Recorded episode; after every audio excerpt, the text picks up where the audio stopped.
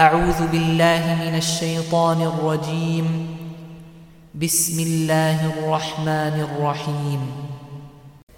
ألم تر كيف فعل ربك بأصحاب الفيل؟ ألم يجعل كيدهم في تضليل؟ وأرسل عليهم طيرا أبابيل ترميهم بحجارة